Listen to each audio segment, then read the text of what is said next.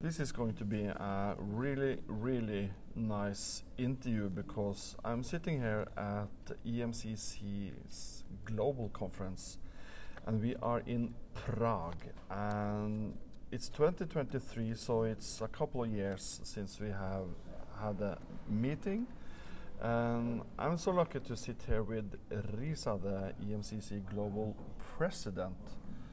Riza, can't you just tell us a little bit about yourself? Myself, Yeah. just go to LinkedIn and check my. Thank you for all the listeners. No, frankly, frankly, at the end of the I will I- put a link to LinkedIn. Yeah, or- but yeah, a couple of words. um, What's your passion?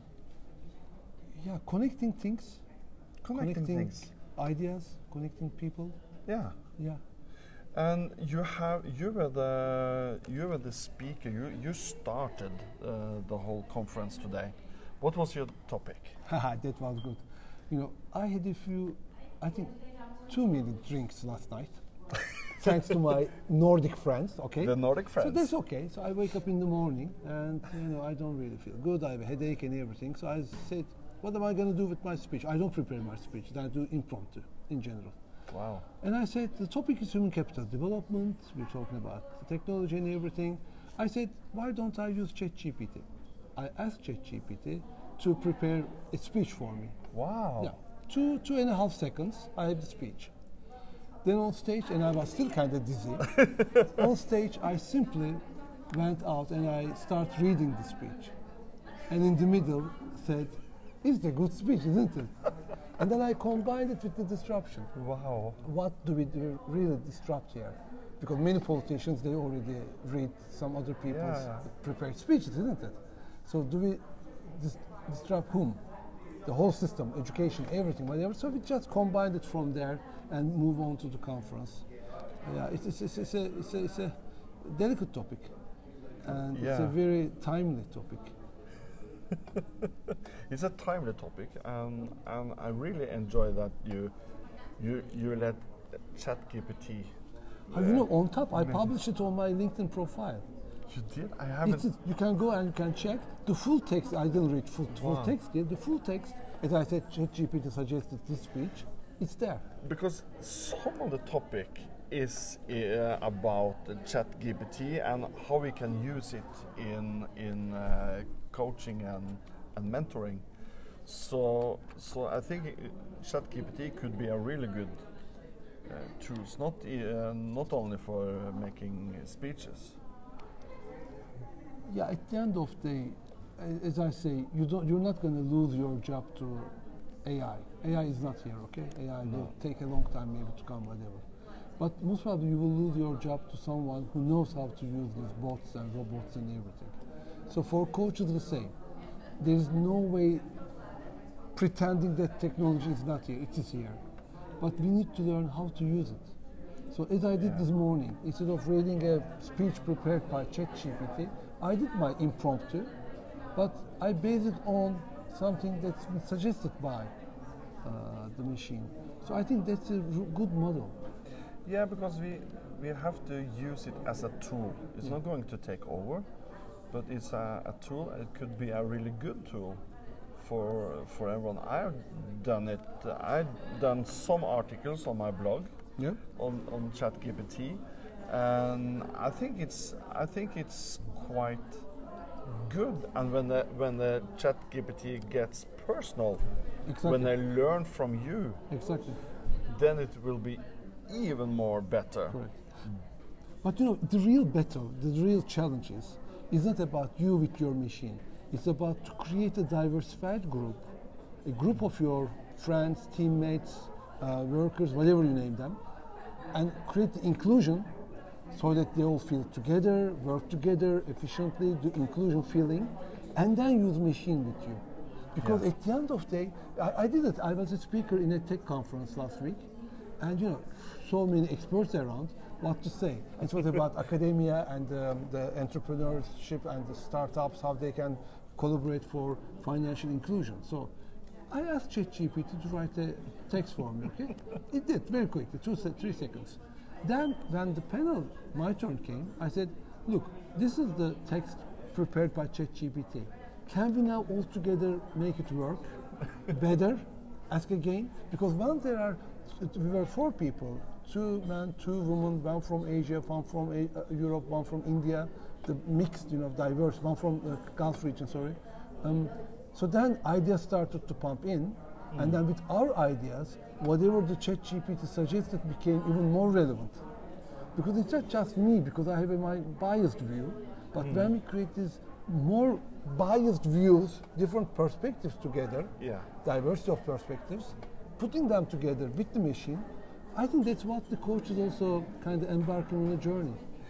Yes, and, and that's what the topic is about for this conference also developing human capital. And ChatGPT could be one of the human Yeah. capitals. You, you just need to learn to use it, uh, and it can help you uh, in, in a, lot of, a lot of ways. Um, this is the first time in a couple of years since we had a meeting where, where we really meet.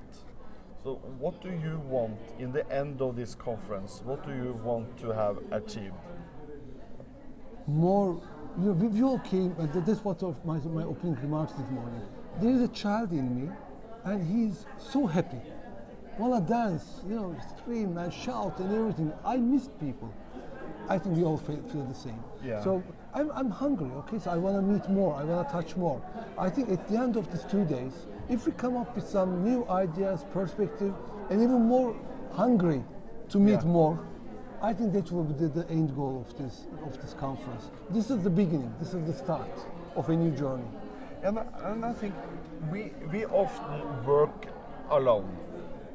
As consultants here, consultants there, we don't have anyone to talk to to, to uh, learn something.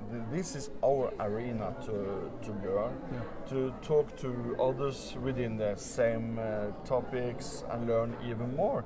And, and to test out our tools and, and our uh, what we are thinking and what we are learning. So so we, we really need this. We can't stop this. We can't use Zoom every time. And I think this is a common trend for all of us. More technology we have in our daily life, or more solitude in the way we do our work, remote work, hybrid work, or whatever you name it. We aspire, we want more, more human touch. And you're right. So um, there will be a hybrid, as our speaker this morning said, hybrid 2.0. Yeah. We gotta learn. We gotta learn. Um, and it's a journey. And as I said, I feel like this is the start. It's a new beginning, like Star Wars. Like Star Wars. Who is the dark side? Yeah. yeah, because I, I talked to one of my members in EMCC Norway uh, just a couple of weeks ago. And we, we are always trying to talk to them to see what can we offer. We are, we are so much uh, in focus on what can we offer, what, what's in it for the members. And I remember I asked him, and I remember he, he said, Yeah, you had some informal meetings. That's good. I don't need any more. So that's good for me. So meetings, we have to we have to meet, and now people are coming out. You you can hear the summing. Yeah. You can hear people have been Yeah. uh, inside learning, and now they are discussing and, and networking. isn't it? That's great kind of It's- noise that we, we, Ah, we it's fantastic. And it's also fantastic to, to look at. Exactly, exactly, exactly. No, okay. So uh, with noise and everything, it may No, be no. difficult. We can continue in another session later, maybe. Um, but at the end of the day, you're right. You're really right. What we need to do is a challenge for EMCC, for you, me, all of us, is to create this sense of community Yeah. in a hybrid way, not physically only, not um, digitally only, but in a hybrid way. I think this will be the next challenge for us. What we create here, this community, we need to enhance it with technology. With, that's why we're going to roll out a new um, technology in the coming weeks Yeah. Wow. um, uh, where we bring all of our community members on one platform. There is such a technology we discovered, and there will be even your own specific language area. wow.